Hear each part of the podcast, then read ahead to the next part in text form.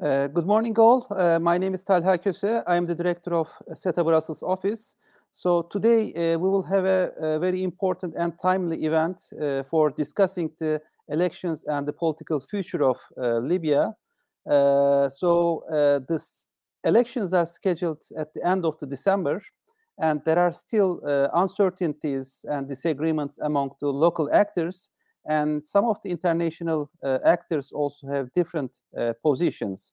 So, although uh, after the revolution, Libyan people are expecting stability, and the political dialogue process is designed to lead the country uh, democratic transition and stability.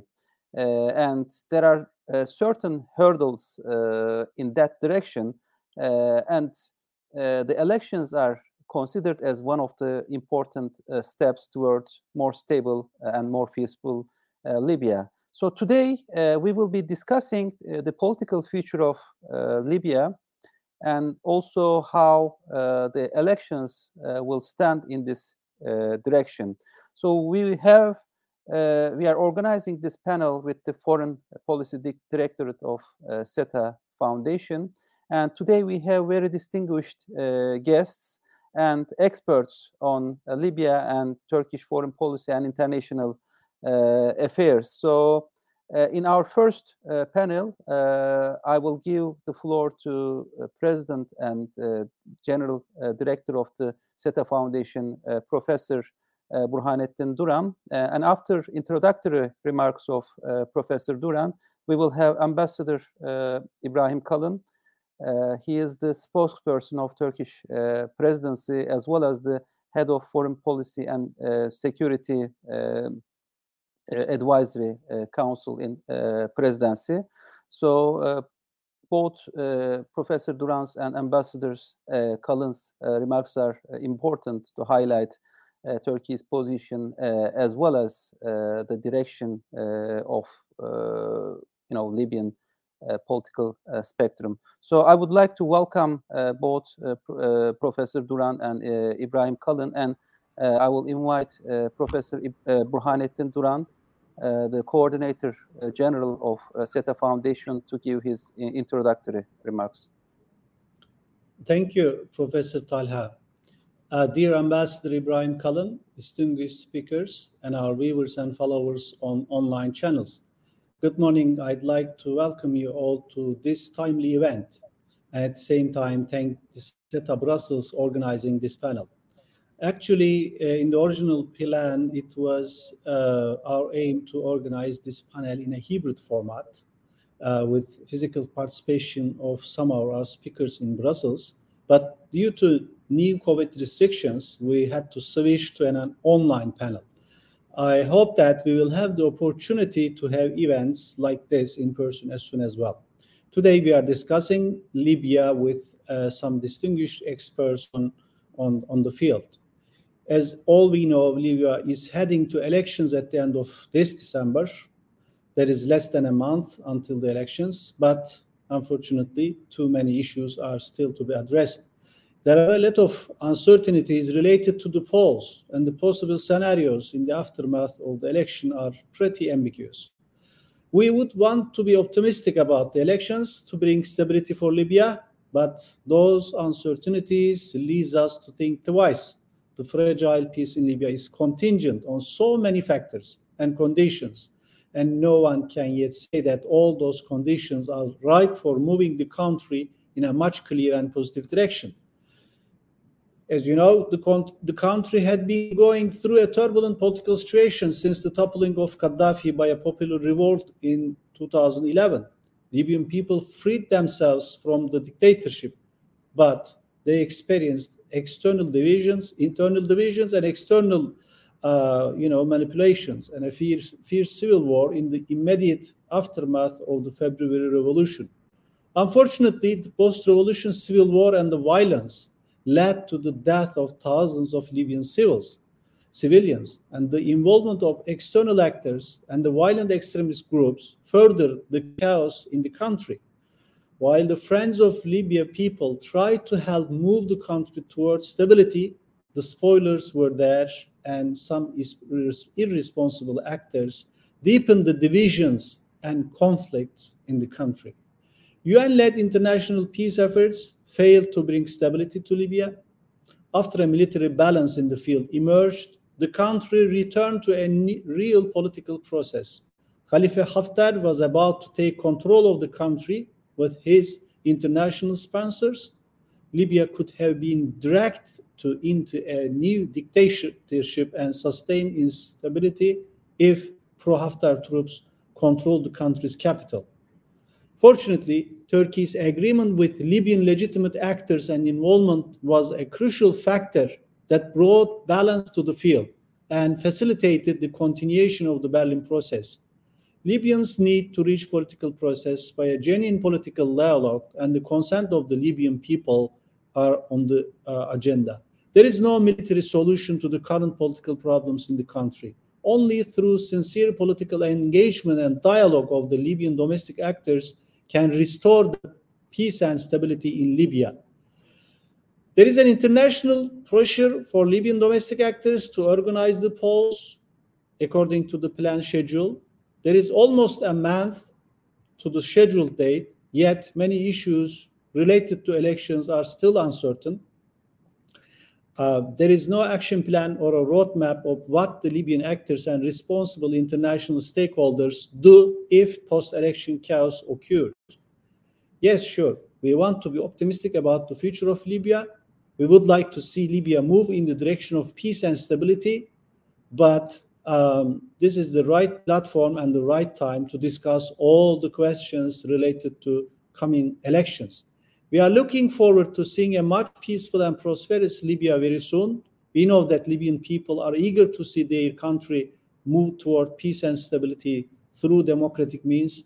Like Libyans and other international followers, we at SETA are following the development at Libya closely. We are publishing extensively on Libya. We contribute to capacity building efforts of our Libyan friends and at the level of professional focus. And we have friends and colleagues in Libya that we uh, collaborate closely. Uh, we hope that the forthcoming December 24 elections and the developments after the elections contribute to the peace and stability of Libya. Uh, I'd like to thank the panelists and online followers. And now I'd like to invite Ambassador Ibrahim Kalin, the president's the presidential spokesperson and the head of the Foreign Policy and Security Advisory Council of the Turkish presidency to deliver his keynote speech. Mr. Ambassador, uh, the floor is yours. Thank you, Burhanettin. Thank you, Talha, and thank you, SETA, for uh, your kind invitation and for organizing this time timely panel. Uh, Libya has been going through a major transition uh, in its history uh, since the end of the Gaddafi era in 2011. Uh, Libya has gone uh, from dictatorship to toppling of dictatorship uh, to a democratic, semi-democratic process and civil war, and now we are in the third phase of uh, restarting the democratic process uh, in the country with um, dictatorship, its toppling, and civil war as a background to what may uh, turn out to be the case now uh, in Libya's near near future. Uh, 10 years it's been since uh, the toppling of uh, Gaddafi with the February Revolution, and 10 years is not a very long time in the history of a nation.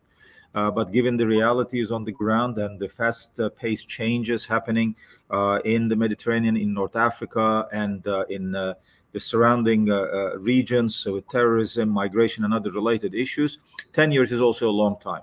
And we are happy to see that now the fighting, the civil war that has wreak ravage in Libya for the last two, three years has come to an end. This uh, should be celebrated as a major opportunity now for the political process uh, to move forward. But there are some issues and problems that need to be addressed. Uh, first of all, Libya's territorial integrity and political unity uh, must be maintained uh, at all costs. I think the political uh, actors in Libya from east, west, and south are trying their best to bring different factions of the country together uh, to establish this political unity based on sound rules and principles. And that, uh, of course, requires um, um, having a kind of a legal basis and political consensus. That's why the 2015 uh, Libyan political uh, action plan and Libyan stability uh, agreement is extremely important, and that's the main kind of reference point for all uh, major political decisions to be made uh, in Libya uh, as we uh, prepare for the elections in December, hopefully. And if uh, failing of that, whatever may turn out to be the case right after that. But I think it's it's really important to emphasize the significance of keeping Libya's territorial integrity and political unity. the end of civil war should prepare uh, the ground for political stability and democratic governance. Means that an inclusive government uh, where uh, officials are elected in a transparent uh, election, uh, and this this is why the elections uh, announced or set for December 4th, December 24th is is extremely important. But given the political realities on the ground, we know that there are some issues uh, and of course, it's up to the Libyans to make a final decision on this, whether they will be able to hold the elections on uh, December 24th or delay it. In either case, if they go for elections, I think it will be good for Libya. If they decide to postpone it uh, for political legal reasons, then uh, the current government, government of national uh, accord or unity, needs to come up with some kind of a roadmap and explanation to the Libyan people and the international community why they cannot hold the elections uh, on on time and what what they are planning to do as a roadmap as uh, kind of a, a timeline uh, in the in the near near future. In any case, whatever they decide, of course, this must be a Libyan-led process, and that process must be respected and supported by all uh, international actors, neighboring countries, uh, and and others. I think one key uh, takeaway from uh, the recent history of Libya is that if we prioritize Libya's um, uh, political social agenda uh, and help them achieve stability um, and move the political process, things actually move in the right direction. Um, therefore, the international efforts under the UN, from the Berlin conference to most recently the Paris conference, should uh, continue to support the Libyan people uh, and this Libyan led uh, process uh, to be inclusive, uh, to be transparent, and to be helpful. But I have to say, one caveat that I personally have and that is the following issue. The world, mostly uh, our European colleagues and the United States, tend to see the Libyan file through the lens of three main issues. Number one is terrorism, number two is migration, and number three, energy, oil and gas. Uh, it looks like, I mean, I have the impression uh, f- from discussions, um, you know, from uh, with my colleagues and counterparts uh, in Europe and the United States, is that as long as there is no terrorism threat coming from Libya to Europe, which happens to be also the southern flank of NATO. Uh, and there is no migration uh, coming from Libya again, uh, human trafficking, smuggling, illegal migration, crossings, etc. Uh, and there is some kind of uh, um, you know regulation or control of uh, the energy resources of Libya. Libyan file should be okay. this is a very narrow-minded perspective. There is more to Libya than just terrorism or migration. Uh, first of all, uh, I think Libyan people uh, should be put at top of the list uh, when we deal with Libya politically, economically, security-wise, and and in other uh, in other areas. Of course, we fully support Libya in its fight against terrorism, whether it's coming from Daesh or from other militia groups, and uh, we will continue to support them. And of course, the threat of terrorism or security may come from within as well, as we have seen with the civil war, uh, with the forces led by uh, General Haftar, the human drama uh, took place uh, there, uh, where uh, hundreds of thousands of Libyan people, civilians and others, uh, were killed. Uh, what happened in Misrata and in other places, we've seen this. Therefore, the threat may come from within, and so the, the, Libyan government, in course, should be prepared. That's why Turkey went in, and and with an agreement with the government of national accord, we provided military aid, assistance, advising, training. Uh, to uh, uh, Libyan security forces there. Therefore, we negotiate, we discuss the status of our forces in Libya only with the Libyan people, with the Libyan government, with official Libyan elected officials, with Libyan authorities. We do not discuss this. We are not prepared to have negotiations on this issue with any other third party other than the Libyans uh, themselves. And uh, the last uh, Berlin conference, as well as the Paris conference, I think also underline, and as it was expressed by the Libyan prime minister and the president of the council, both Dbeibeh and Menfi, uh, that you know they are happy and uh, uh, and will continue to support Turkey's military aid agreement with with, with, Libya. And, and finally, of course, we would like to see a united Libyan army, and whatever we can do as Turkey to help them uh, establish that army, we will be uh, there to help them uh, with that goal. Because uh, uniting different forces, militia groups, uh, security forces uh, from east, south, and west under one united Libyan army is of paramount importance for Libya's security uh, and uh, border security as well as internal security, and we will continue to support Uh, Libya in that in that effort. Uh, as far as uh, migration is concerned, of course, it is a global challenge. Um, it should be controlled. Uh, no illegal crossings or migration should take place, but that should be done uh, with uh, a perspective of humanitarian aid and with a humane point of view. we cannot treat immigrants as just numbers or statistics. Thousands of people have already died in the cold waters of the Mediterranean and the Aegean. Unfortunately, the so called civilized world has largely failed in its dealing with uh, the migration crisis over the last 10 years, uh, originating mostly from Syria, but from many other parts of the world, from Afghanistan, from Iraq, from many African countries, uh, from Libya, and other places. Uh, we have to do more uh, and we have the capacity to do it more internationally speaking. The UN, EU, and other agencies must do more to help uh, immigrants and, of course, address the issue uh, at its point of inception, where it arises in the first place. Why do people feel obligated or forced to to to move? uh, migrate from one place to another. Uh, they they run away from civil wars. They run away from uh, from brutal regimes like in Syria. They run they run away from uh, other issues, economic difficulties or other issues. We have to find ways to help them so that you know we stop the migration flow from east to west, from west to east, south, and in other directions as well. So we have to help the Libyans as well deal with the migration issue. And and finally uh, on the oil and gas, of course, uh, it's Libyan uh, people's riches and wealth, and it should be used for the Libyan people. I don't think any international actor should uh, even pretend uh, to know what to do with those resources. The Libyans themselves uh, are are fully entitled to use their own resources, and that should be the practice.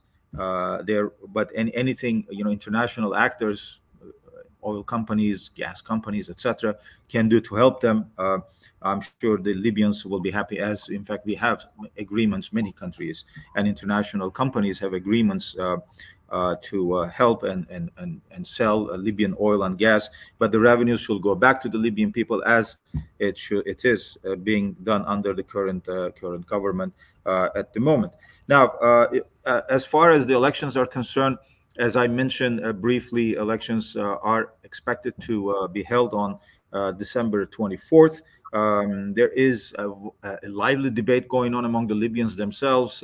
what will be what will it take to hold these elections in a transparent manner, in a manner that will be acceptable to everyone uh, from everything from uh, uh, deciding on candidates to the political parties law, the new constitution, and number of other political issues.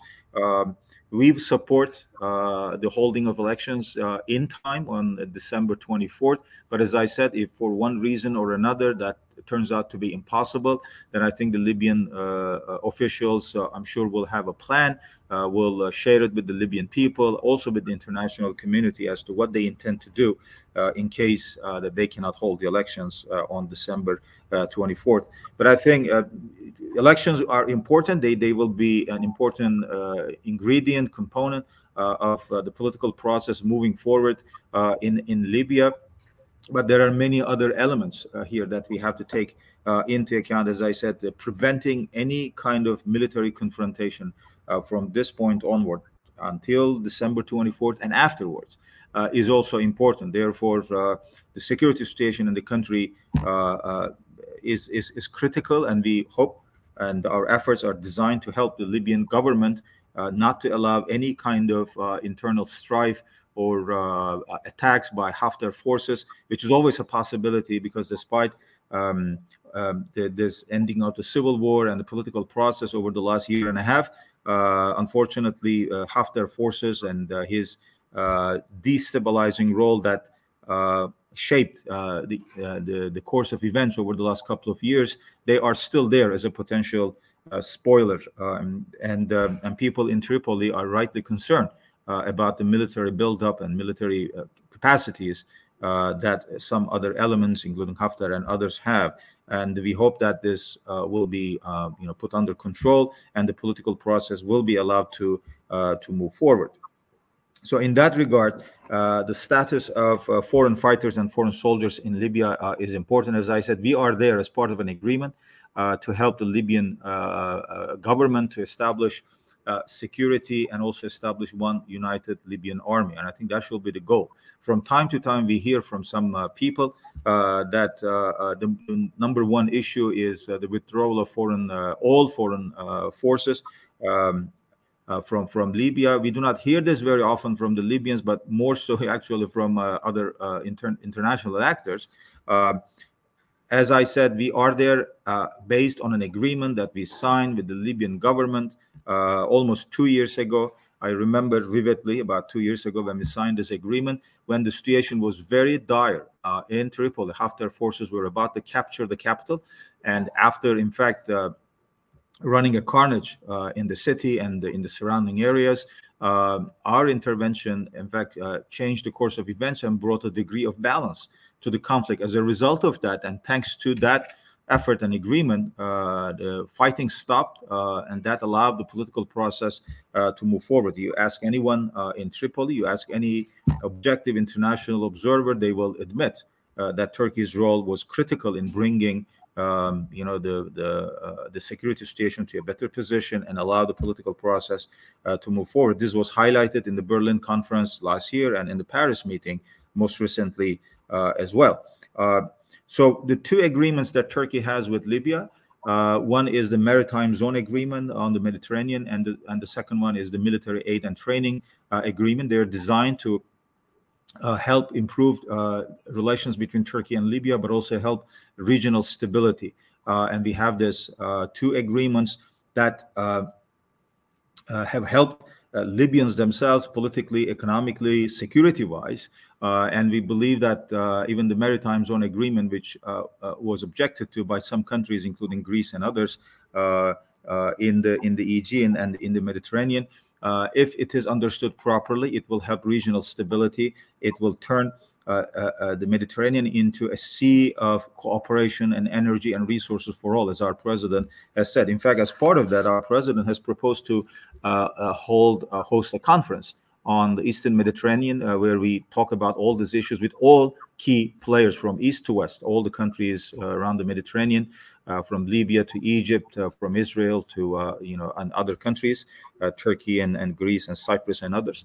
And we, we believe that you know it could uh, serve as a, as a, as, a, platform to bring all these different actors together so that uh, you know we work uh, on the, the Mediterranean uh, uh, energy resources a, with, with, a positive agenda um, and that will help everyone including the Libyans uh, Libyans themselves. Uh, now uh, we we we will continue to support the political process in Libya. And we have a long history of uh, working with Libyans. Uh, uh, in many different areas, from security to economy, from trade to tourism, from health to infrastructure. Turkish companies have done businesses in uh, have done work in uh, in Libya for the last 40, 50 years. Even under Gaddafi, everybody knows that Turkish companies uh, played a, a, significant role in the development of the country. so we have a long history there. In fact, we intend to continue this cooperation to help the Libyan people uh, Libya deserves more than uh, uh, what they have right now, and they have the resources to achieve uh, their goal of political stability, economic development, uh, unity, and prosperity uh, for all. As far as NATO and the EU are concerned, as part of NATO alliance, as a member country, we believe we play an important role in NATO's security in its southern flank. Uh, but also uh, for uh, uh, the Mediterranean, for stability in the Mediterranean uh, in, in, in general. So we will continue to support these processes and we will continue to work with the Libyan uh, officials, despite some differences with some political actors in some part of the Libyan political scene. you know, we will continue to support any effort to bring all different political parties together uh, and our goal is uh, to help the Libyans achieve uh, their political stability, territorial integrity, economic development, peace and security for Libyans and for the entire region.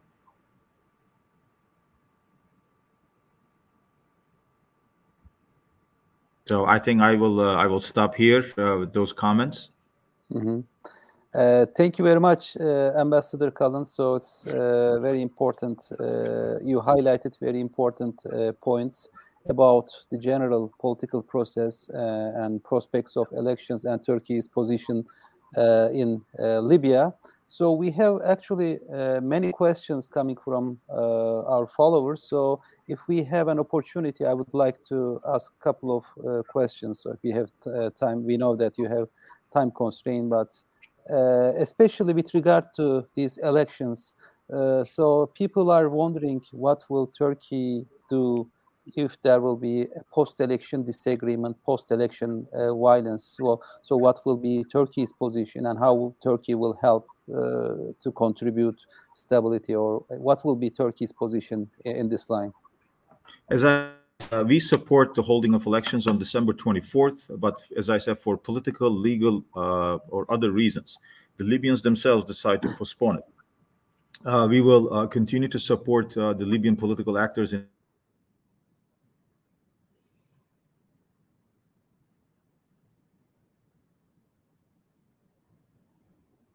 it should be held uh, uh, on time as it was announced last year.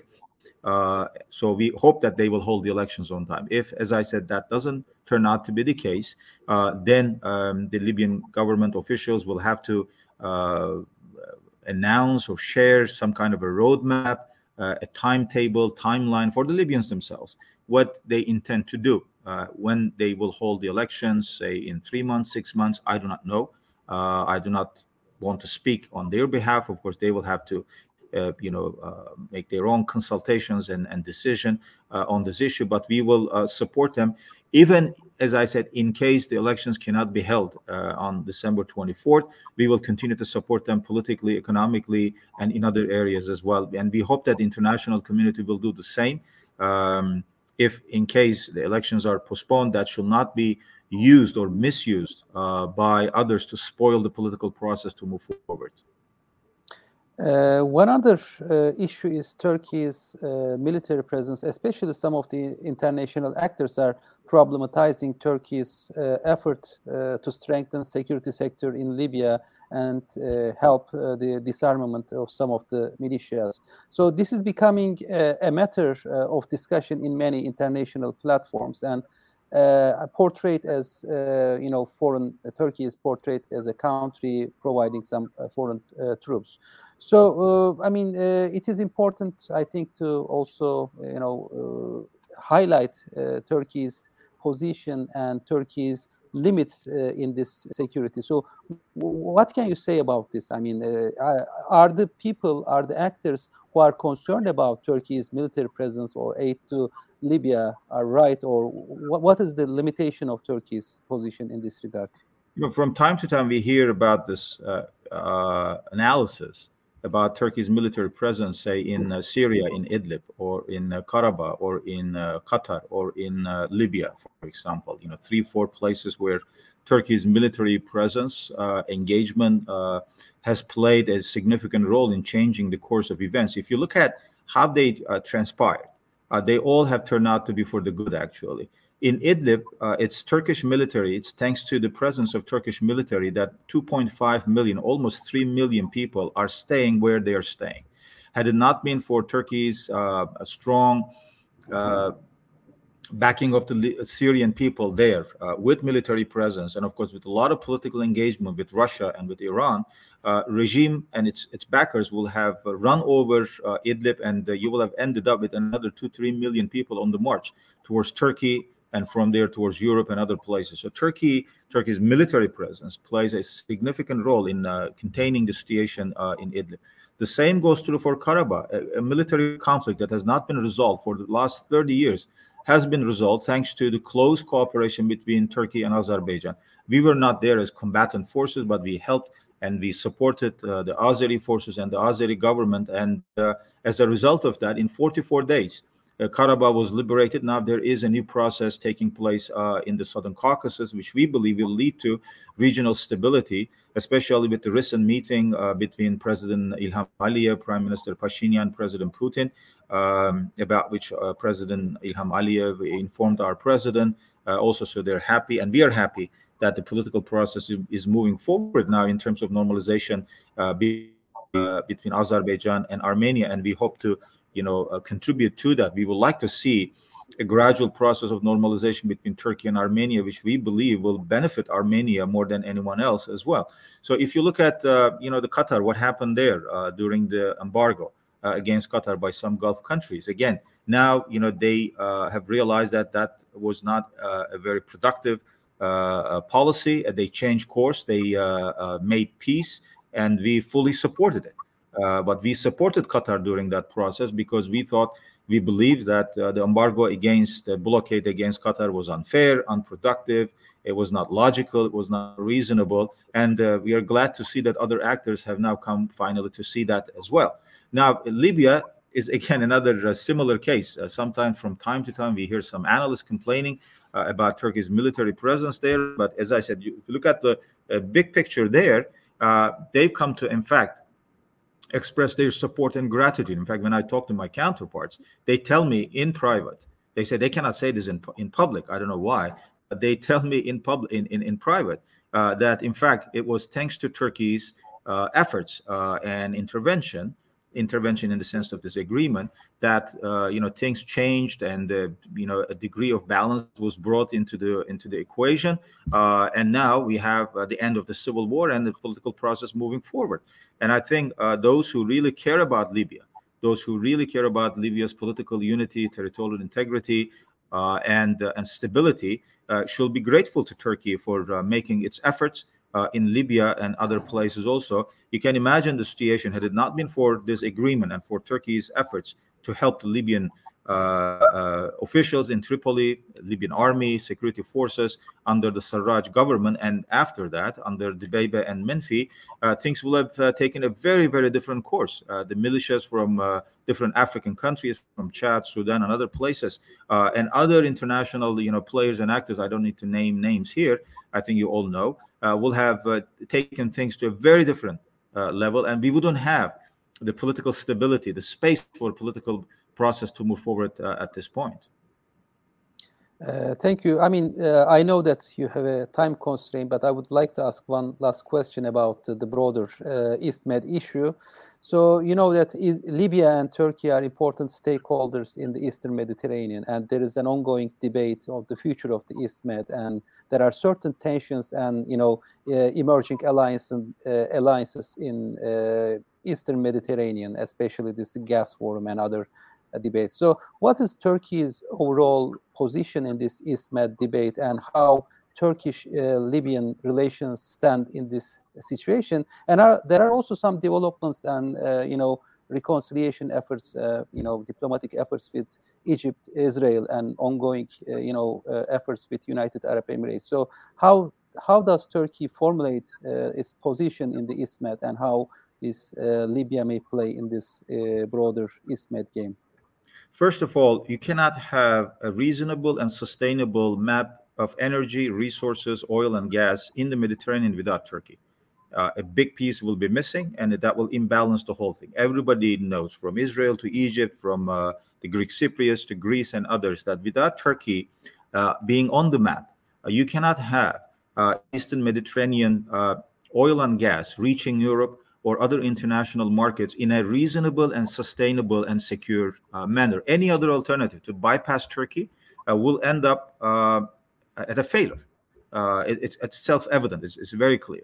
Uh, for political reasons, some countries have tried to exclude Turkey from this. They established their own platforms. They now realize also that without Turkey, it will not work. It will be extremely costly. It will not be sustainable. Uh, therefore, our president has called for an all-inclusive East Med uh, conference where we can address all these issues. As I said, despite our political differences with some countries, we are ready to sit with them and discuss these issues based on shared interest for all neighboring countries in the Eastern Mediterranean.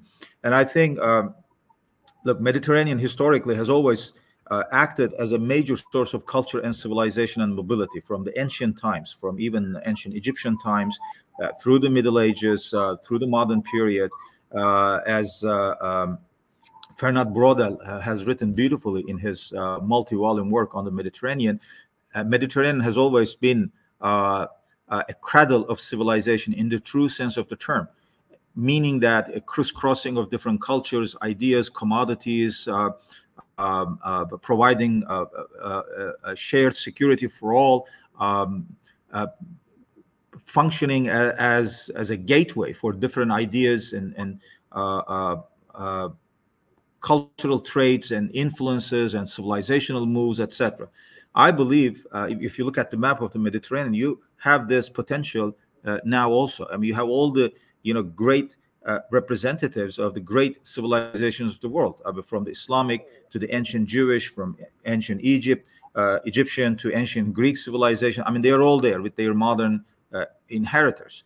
We, I believe, we can create uh, this new culture of Mediterranean uh, again, and that can really help. If you look at the Mediterranean with its hinterland, it goes all the way to Europe, to the Balkans, to Caucasus, uh, to uh, Mesopotamia, to the Gulf countries, North Africa, this entire region. So it's not just about the Mediterranean. It's it's really with with the larger impact on its region.